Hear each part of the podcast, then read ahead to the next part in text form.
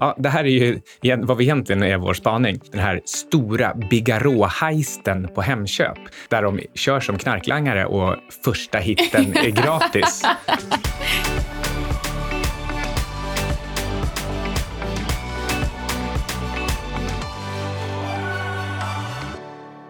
Grattis Syding, din flickvän fyller 27. Ja, du har fyllt 27. Du fyllde 27 i onsdags. Precis, men när vi spelar in det här så väntar jag fortfarande på spänning med på min 27-årsdag faktiskt. Ja, ändå så har du redan firat två, tre gånger och har två, tre gånger kvar den här veckan. Så grattis Anna kanske.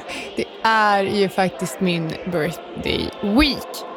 Så är det när man är en outsider. Då firar man sju gånger på sju dagar. Jag sa faktiskt det till min syster, för att hon tycker inte om att bli firad. Och därför så ber hon folk att inte fira henne och sen så blir hon alltid lite besviken när ingen gör det.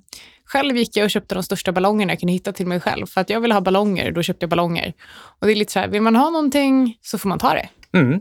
Men eh, i och med att vår eh, eminenta editor Alexander Marton inte är här så kan ju inte han ta för sig, så vi får ge det till honom istället. Så stort tack Alex för att du får oss att låta så bra. Och eh, en annan eh, partner vi vill tacka är ju Fontobel. Eh, och Fontobel är ju en gammal schweizisk bank som det kan vara bra att hålla i handen när man är intresserad av att exponera sig mot alternativa eller svårtillgängliga marknader. Och de har någonting som de kallar för en overkorg. och det är egentligen ett certifikat som gör det möjligt möjligt att exponera sig mot det här Silk Road-projektet, New Silk Road-projektet i Asien. Just det, det här när eh, Kina bygger One Belt One Road och ska skapa världsdominans för transport av varor och eh, ja, det kanske är mest är varor. Precis, så det här kallas ju också för världens eh, mest ambitiösa infrastrukturprojekt. Och eh, det får man väl nog verkligen hålla med om. Men vi fick faktiskt en fråga på Twitter också angående hur man kan exponera sig mot eh, 5G. Och då har Fontobel en liknande produkt som eh, den här Obor Silk Road-grejen. Och det är en 5G-produkt. Eh, och då får man alltså eh, exponering mot eh, ett, jag tror att det ett 30-tal bolag inom utbyggnaden av 5G-teknik. Och då inkluderas till exempel sådana här saker som eh, bolag som håller på med maskinvision, Internet of Things, eh, autonoma gruvmaskiner. Eh, så allting som utnyttjar extremt snabb uppkoppling. Men kom ihåg att eh, alla typer av investeringar är förknippade med eh, risk och eh, den här typen av eh, certifikat, även om det bara är hävstång 1, kan gå upp och ner, så gör din egen analys. Nu ska vi prata om fruktens och bärens obestridde konung, bigarråerna. Du blev ju fett lurad. Jag blev inte alls fett lurad. Vi satt och hade lite jordgubbar och så lite fantastiska bigarråer. Och självklart så, så drar sig handen mot bigarråerna hela tiden eftersom det är ju det riktigt gotta. Det tyckte du först när jag sa att de var typ gratis. Jag tror att jag köpte ett halvt kilo för typ 6 kronor. Då började du tjata om hur otroligt gott det var och du trodde det var samma sak som körsbär och det var så fantastiskt. Det är samma sak som körsbär. Det är inte samma sak som körsbär. Och eh, sen skulle vi minsann, eh, när vi skaffade barn, så skulle de bara få äta bigarråer, för bigarråer är det bästa som finns. Och du, var nog, du var så himla nöjd över att de... Ja, men det är lite samma. Man vill ju att barnen ska känna lite grann av den status när de växer upp som man själv inte inte fick ha. Och, och då, kan, då kan de säga till sina klasskompisar att ja, hemma äter vi bigarråer nästan varje månad. Men okej, men nu då när de faktiskt är dyrare per kilo än jordgubbar? Ja, det här är ju vad vi egentligen är vår spaning. Den här stora bigarråheisten på Hemköp där de kör som knarklangare och första hitten är gratis. Ja, så de här heroinbigarråerna då, de kostade först typ 6 kronor för ett halvt kilo, så 12 kronor kilot. Då. Och Eh, Eh, sen när jag kom tillbaka till Hemköp någon dag senare så kostade de 119 kronor kilot. Och jag tror, min teori är att eh, ja, men first hit for free och eh, sen så bara antar man att de fortfarande inte kostar någonting. Så man plockar på sig dem där och så tycker Hemköp-handlarna att de har varit sjukt smarta. Och det där gäller väl särskilt om man är lite som du och ser ner på de här, kallar dem för fågelbär. Och... De kallas för fågelbär. Så köper snålföräldrarna hem fågel... fågelbären och eh, eh, och tror att de är billiga och har sen inte eh, riktigt eh, lust att säga ifrån i kassan när... Det hade ju däremot du gjort. Jajamensan. Jajamensan. Va? 119? Nej, nu är det något som är fel här. Ja, då vill jag inte ha dem. Okej, okay, men...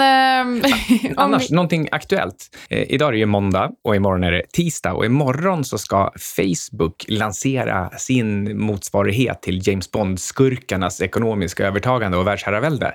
Global Coin hette det från början, men eh, så kom eh, Mr Robot, eh, eller Zuckerberg, på att nej, vi kallar det för Libra, så låter det som någon slags eh, digital frihetsvaluta som motsvarar bitcoin. Och bitcoin, på tal om det, har ju eh, faktiskt eh, verkligen hämtat sig och står nu i 9400 dollar. Det tyckte jag var ganska trevligt. Det tycker, tycker du också är trevligt som har i portföljen? Ja, min portfölj står tydligen i all time high, men vi, ska vi ta det på en gång? Ja, men det kan vi göra. Det var inte så mycket mer att säga om det än att jag tycker att jag parerar den här märkliga marknaden ganska bra med mm. eh, mina kryptovalutor och jordbruksråvaror. Det är väldigt trevligt att äga till exempel kakao Eh, väldigt trevligt att äga. Många andra grejer som också ligger i portföljen. Men kakao och majs framför allt går väldigt, väldigt bra. Och vete. Ja, härligt. Det är tydligen det som ligger i min portfölj. Vad gäller bitcoin och kopplingen till Facebook så vill jag också bara ta upp att även om det finns massa andra saker som talar för stark bitcoin kommande, låt oss säga 18 månaderna, så hjälper kanske den här Facebook-libran till. Vi får väl se vad det blir för detaljer imorgon och hur snabbt de får ut det här, hur mycket regulatoriska hinder det blir, för det kan nog bli en, en, en hel del. Men Facebook kommer ju nu utbilda 2,5 miljarder människor i hur lätt och pålitligt det är att använda en digital valuta som inte har statlig koppling. Och när man väl har utbildat dem för det här, då kommer ganska många av dem inse att ja, men det här är ju ingen riktig decentraliserad kryptovaluta som man kan lita på, utan det är bara ytterligare ett sätt för, för Mr Robot att eh, sno vårt eh, ekonomiska beteendedata. Och då går man över till bitcoin.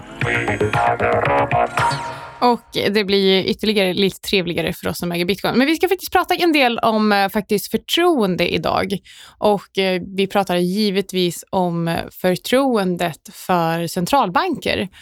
Och Det har inte vi så himla himla mycket. Eh, och, eh, så det blir fokus på centralbanker, det blir fokus på guld och eh, på kommunism. För när jag var med i EFN eh, e Börslunch förra veckan så smög jag in där och så sa jag att men jag tycker att eh, QE, alltså quantitative easing, är lite kommunistiskt. Jag skulle vilja rätta mig själv där. Det är inte lite kommunistiskt, det är mycket kommunistiskt. Det är kommunistiskt, punkt. Och vad menar du egentligen med att det är kommunistiskt? Om staten trycker pengar för att köpa tillgångar så förstatligar man tillgångar och att förstatliga tillgångar är ju kommunism. Ja, så exakt så enkelt är det. Och sen bara för att man kallar det för andra saker och man låtsas att det här sker frivilligt på en öppen marknad så betyder inte det att, eh, att det är någonting annat än ett direkt statligt övertagande. Vi kan ta Japan i, eh, som jämförelse. De har tryckt väldigt mycket pengar, de har köpt eh, mycket tillgångar, så nu är faktiskt staten majoritetsägare i många fall. Och även om tillgångspriserna har pressats upp och retail-investerare tycker att, de, att det har gått jättebra för dem, så, så blir de ju någonstans förda bakom ljuset ljuset när, eh, när det faktiskt i slutändan är så att staten äger de här tillgångarna. Så staten får tillgångar vars värde stiger. I den här eh, pågående exproprieringen så har man ju normaliserat quantitative easing mer och mer. Japan gick i bräschen, men kanske inte så jättemycket visade det sig och sen har ECB och, och Fed slagits om vem som kan göra mest här. Och det som från början skulle vara helt och hållet tillfälligt, men sen blev Q1, 2 och 3 och eh, vad hette den här Operation Twist och så, ja, det, det, det, fortsätter att komma nya saker hela tiden. Och nu när Powell skulle försöka normalisera läget och ja, jag gick ju på det också och trodde att han, att han skulle göra det. Och jag med. Ja, då eh, vänder han fullständigt bak och fram på alltihop. Och i, eh, jag tror det var igår, eller i alla fall, ja, jo, det var det nog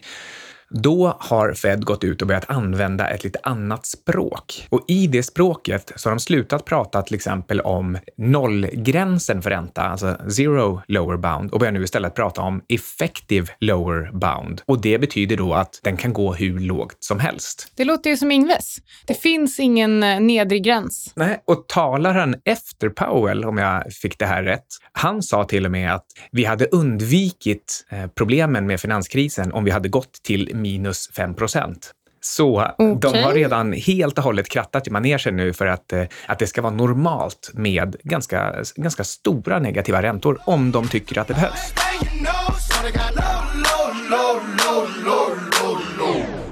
Men eh, jag slängde ut en förfrågan på Twitter där jag skrev att vi skulle spela in det här avsnittet och att jag ville att folk skulle komma in med input och vad eh, olika ämnen som vi skulle ta upp. Och då var det någon som skrev, kan ni snälla prata om både fördelar och nackdelar med QE för att skapa någon typ av balans i, eh, i programmen? Och då skulle jag vilja säga så här, kortsiktigt så finns det ju vissa fördelar med QE.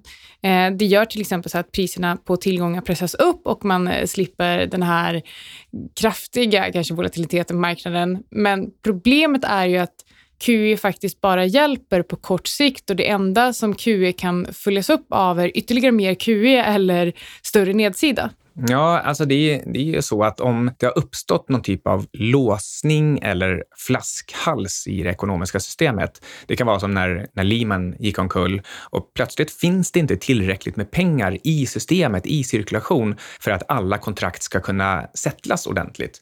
Och då kan man spola in massa extra pengar eller gå in och, och från statligt håll garantera vissa kontrakt och säga att det finns en backstop med likviditet här. Då får man systemet att fortsätta fortsätta att flyta vidare. Men vad man måste göra i ett sånt fall då, det är, att managera den här processen så att den sättlas ordentligt på en, den lägre naturliga nivån. Så företag måste kunna få gå i konkurs, men under ordnade former. Men nu har man då istället gjort så att man, eh, man vägrar låta saker gå i konkurs eller gå ner, så de här åtgärderna som egentligen är bara till för att stoppa en tillfällig lösning och en systemkris, de använder man då istället för att försöka trycka upp allting lite extra högt. Och då skapar man moral hazard-effekter som gör att alla i systemet vet om att vi kommer ju alltid bli räddade. Så då kan vi dra på extra mycket med risk. Problemet med eh, QE i den aspekten är att om du hela tiden skjuter risken framför dig och hela tiden pressar allting framför dig lite till, lite till, du överbelastar systemen så blir det förr eller senare som en Tjernobylkatastrof. För du kan inte köra det här hur länge som helst för till slut kommer systemet att fallera. Och man kommer dessutom komma till den gränsen där man faktiskt inte ens tror att det är möjligt för systemet att fallera och det är då det blir farligt på riktigt. Ja, till slut så kanske det blir också som i Tjernobyl, att eh, de kände sig tvungna att genomföra det där testet som de aldrig fick till. Och det, jag tycker nästan att det påminner lite grann om när man ska göra eh, känslighetsanalyser för bankernas balansräkningar. Än så länge så gör man bara fejkade känslighetsanalyser. Eh, eh centralbankerna ser till att sätta parametrarna i tillväxten så att alla banker ska klara sig och kanske några ska hamna på sånt där orange trafikljus och så får de en liten smäll på fingrarna så har de fixat till det. Men, men förr eller senare så, eh, så kanske man ser igenom de här känslighetstesten eller till och med de mest enkla känslighetstest skapar en systemkris för att man ser att inga banker klarar sig. Precis, så om man då ska bara sammanfatta positivt och negativt med QE. Självklart finns det användningsområden, men det är när QE används på ett sätt för att egentligen bara hålla marknaden flytande. Det är inte positivt. Hade det använts på det sättet som det kanske var tänkt från början så hade det faktiskt fungerat. Men nu har vi hamnat i någon slags QE-fälla och kan inte sluta. Vi är beroende av eh, quantitative easing. Mm, ja, men så om man ska avsluta med den, den sista positiva grejen ändå, försöka vara positiv. Så um, det är fel under de här omständigheterna. Ja, och det beror bland annat på att det är QE och liknande åtgärder som har skapat omständigheterna. Så det här tillåts aldrig hamna på en normaliserad nivå. Men det är klart att centralbanker kan ha en roll, precis som eh, fiskala myndigheter kan ha en roll om de bara håller sig i skinnet och ser till att vara lika mycket ovanför som under kurvan. Get your shit together! Om vi nu bara fortsätter på det här QE-spåret så fick vi faktiskt en fråga av Alexander Marton. Och eh, han undrar hur man märker att marknaden tappar förtroende för centralbanker och QE. Är det more to it än att marknaden slutar stiga på stimulanser? Finns några inledande, mindre uppenbara indikatorer på att det är på väg att vända? Nej, jag, jag, tror att han är inne på den, eh, den mest centrala indikatorn där. Och det, och det får mig att tänka på den här eh, supermakrotraden som Raoul Pall fick för sig att eh, skriva ut i tio tweets när han hade fastnat på en flygplats i, i Cayman. Då berättade han om en makrotrade som eh, någon eh, kompis eller bekant hade gjort. Och hela traden gick egentligen ut på att, att i ett läge när folk inte var beredda, i ett läge när eh, men, den ekonomiska tillväxten var fortfarande helt okej, okay, 1,4 procents reell BNP-tillväxt. Det här var eh, januari 2001 för övrigt. Då slog plötsligt Fed till med 50 punkters räntesänkning. Och den räntesänkningen, den visade att Fed såg någonting som gav dem så mycket panik att de visste att vi måste springa så fort nu före kurvan för att kanske, kanske få det här under kontroll. Den sänkningen visade att de hade tappat kontrollen. Då gjorde den här traden en, en, en, ja, en fantastisk affär. Han, han köpte eh, långa obligationer och det visade sig sen att ja, men Fed sänkte ju räntan precis hela året och det här blev en sån magisk trade att han i princip kunde pensionera sig på en enda bonusutbetalning för det året. Det låter som en bättre förvaltare än självaste Micke Syding. Ah, det där var ju bara ett år. Alla kan ha tur ett år. Jag var ju, jag var ju helt outstanding i över tio år. Mm. Men um, om man då ska se till var vi står nu någonstans. Ja, faktiskt. Va, vad, ja. Nej, om, om jag bara får så här, eh, slänga in en grej när det kommer till förtroende och centralbanker. Jag tycker att en signal som, det här är ett litet sidospår fast ändå inte, en signal som faktiskt är viktig att titta på är ju det här eh, faktumet att centralbanker köper mer guld än någonsin. Och någonstans signalerar det att de håller på att tappa förtroendet för, sitt, eh, för det system som de har byggt upp själva. Så jag tror att den typen av signal för centralbankerna, hur de hedgar mot sin egen penningpolitik. Det tror jag kan vara ett eh, viktigt signalvärde. Mycket bra. Det tror jag också. Verkligen. Och vi ser hur guldet allt oftare under de senaste sex åren har försökt slå igenom den här nivån 1350. Och då är det lite intressant, särskilt om man är konspiratoriskt lagd, att se att till och med när det ser ut som att eh, Iran och USA krigar i Hormuzsundet och guldet slår brutalt upp och faktiskt igenom 1350, så är det någon som ändå står där och är så himla intresserad av att sälja på just den nivån. Det känns verkligen som att, ja visst, det är en kombination av kanske tekniska analytiker som säger att ja, men vi vågar inte chansa på att det ska igenom den här gången heller. Men kanske också just centralbanker och, eh, som, eh, som försöker hålla tillbaka priset. Eh, då kan man faktiskt både se det här desperata försöket att hålla tillbaka guldpriset som eh, ett tecken eh, på att de håller på att tappa kontrollen men absolut inte vill visa det. Och även själva det att guldet försöker ta sig upp så många gånger och allt hårdare uppåt eh, är också just det här tecknet som du pratar om. Som jag sa lite tidigare så ehm, har ju Fed börjat använda lite ny terminologi som det här med effective lower bound. Eh, här i helgen så användes också ordet slope. Och det, Slippery slope. Ja, det, det, är det, det de håller på med. Ja, det är exakt det det är. För nu vill de inte längre prata om eh, quantitative easing som unconventional policy, alltså okonventionell eh, penningpolitik, utan de vill prata om slope istället, vilket visar eller indikerar att de tänker alltid hålla på med QE nu och det är bara frågan om hur mycket, det vill säga hur snabbt, hur, hur brant ska kurvan på QE vara? Den ska aldrig ner till noll igen. Men eh, Eh, på tal om eh, QE och eh, låga räntor så gör man ju det här också för att driva på inflationen. Vi fick lite frågor om det också. Eh, framförallt var det någon som undrar vad det är som faktiskt driver inflationen och så skrev den här lyssnaren som glad amatör känns det otroligt att den står still trots välanvänd pengapress. Och eh, sen så står, är det någon annan som har frågat, ökar priserna bara på sånt som inte räknas in i Riksbankens fantastiska inflationsberäkningar? Och eh, det här tog jag upp för, eh, ja, men det är nog ett halvår sedan i den här podden, eller till och med lite tidigare, när jag var inne i min eh, centralbanks och penningpolitiksbokperiod. Då gick jag in och började läsa rapporter på Riksbankens hemsida. Och där skriver de själva att eh, Fastighetspriser räknas ju inte med när man, eh, beräknar, när man räknar på inflation. Däremot så är hushållens räntekostnader med.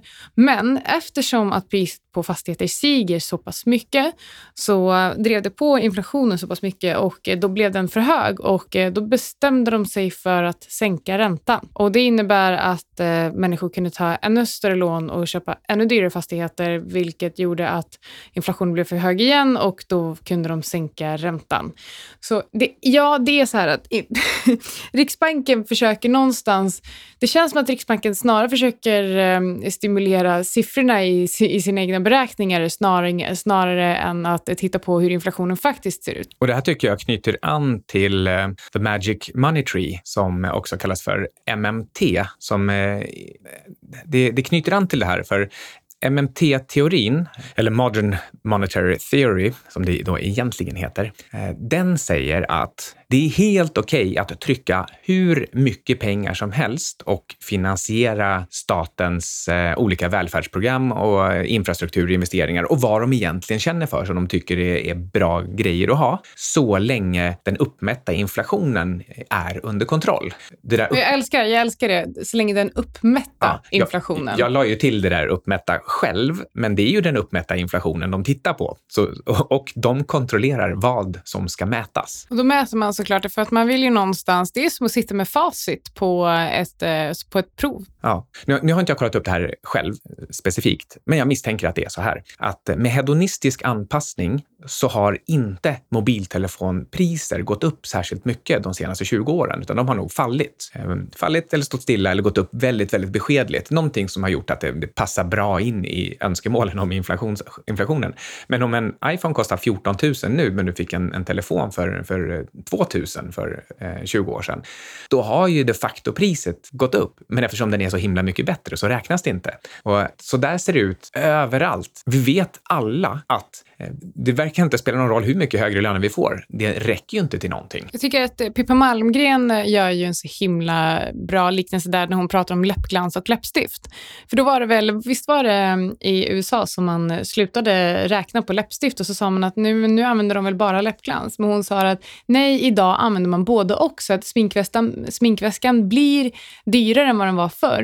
För vi har både läppstift och läppglans och inte bara det ena som man kanske hade förr. Ja, och det där är ju realekonomi. Det är liksom praktiskt ekonomiskt beteende. Och även om du inte måste ha båda så är det så att man använder båda. Det är lite grann som att säga att man inte måste ha en viss typ av mobiltelefon eller en viss typ av kläder eller en viss typ av bilar. Men det finns ju nästan inte tillgång till eller möjlighet rent eh, eh socioekonomiskt eller socialhierarkiskt att bete sig väldigt mycket annorlunda än alla andra.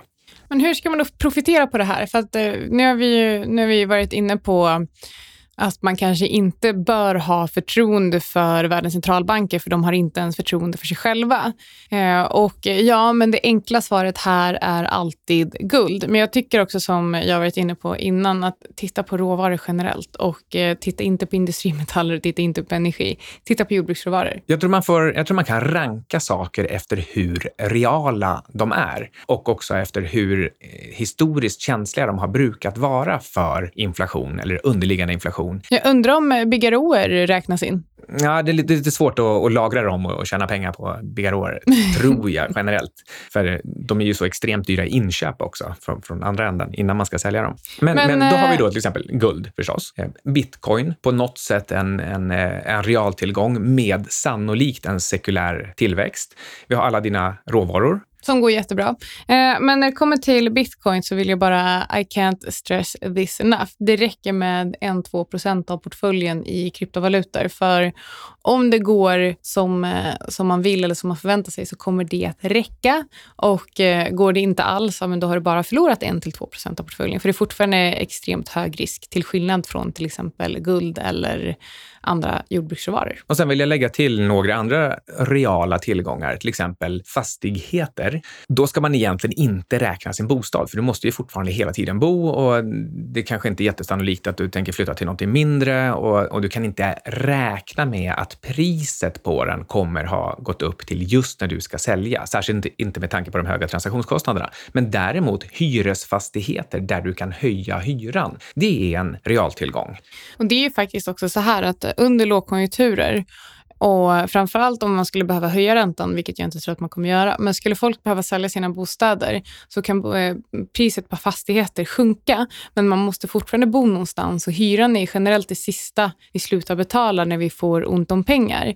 Så att eh, köpa en fastighet och hyra ut kan faktiskt vara en extremt bra affär, eh, även i det fall som, eh, som vi faktiskt går in i lågkonjunktur och eh, själva priset på tillgången faller så kan du fortfarande få in ett starkt kassaflöde. Det finns en realtillgång till, minst en till, eh, och det är aktier. Aktier är ju nämligen lite som hyresfastigheter, att eh, man köper en verksamhet och verksamheten eh, är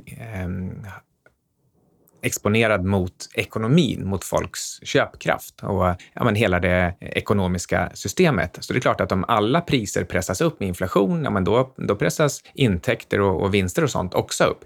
Men det ska dock tilläggas att det, det finns ett par dynamiska effekter som historiskt sett har talat emot aktier under inflation, åtminstone realt. Och dels är det att eh, diskonteringsräntan går upp så att man blir inte, eh, man blir inte lika långsiktig, man är inte beredd att betala lika höga multiplar på bolagens fundamenta längre. Och det kan också vara så att lönerna springer snabbare än bolagen har lust eller möjlighet att höja priserna för att det är ändå lite svårare tider. Det finns reellt sett mindre över till företagens vinster när, när den här dynamiken drar igång. Och det gör att aktier generellt sett brukar vara en, en sämre eh, realtillgång under, eh, under inflationstider. Och det gäller ju i synnerhet om man kommer från en period med historiens högsta multiplar som vi har nu. Så nedsidan på aktiesidan är helt enkelt mycket större än om du tittar på andra tillgångslag.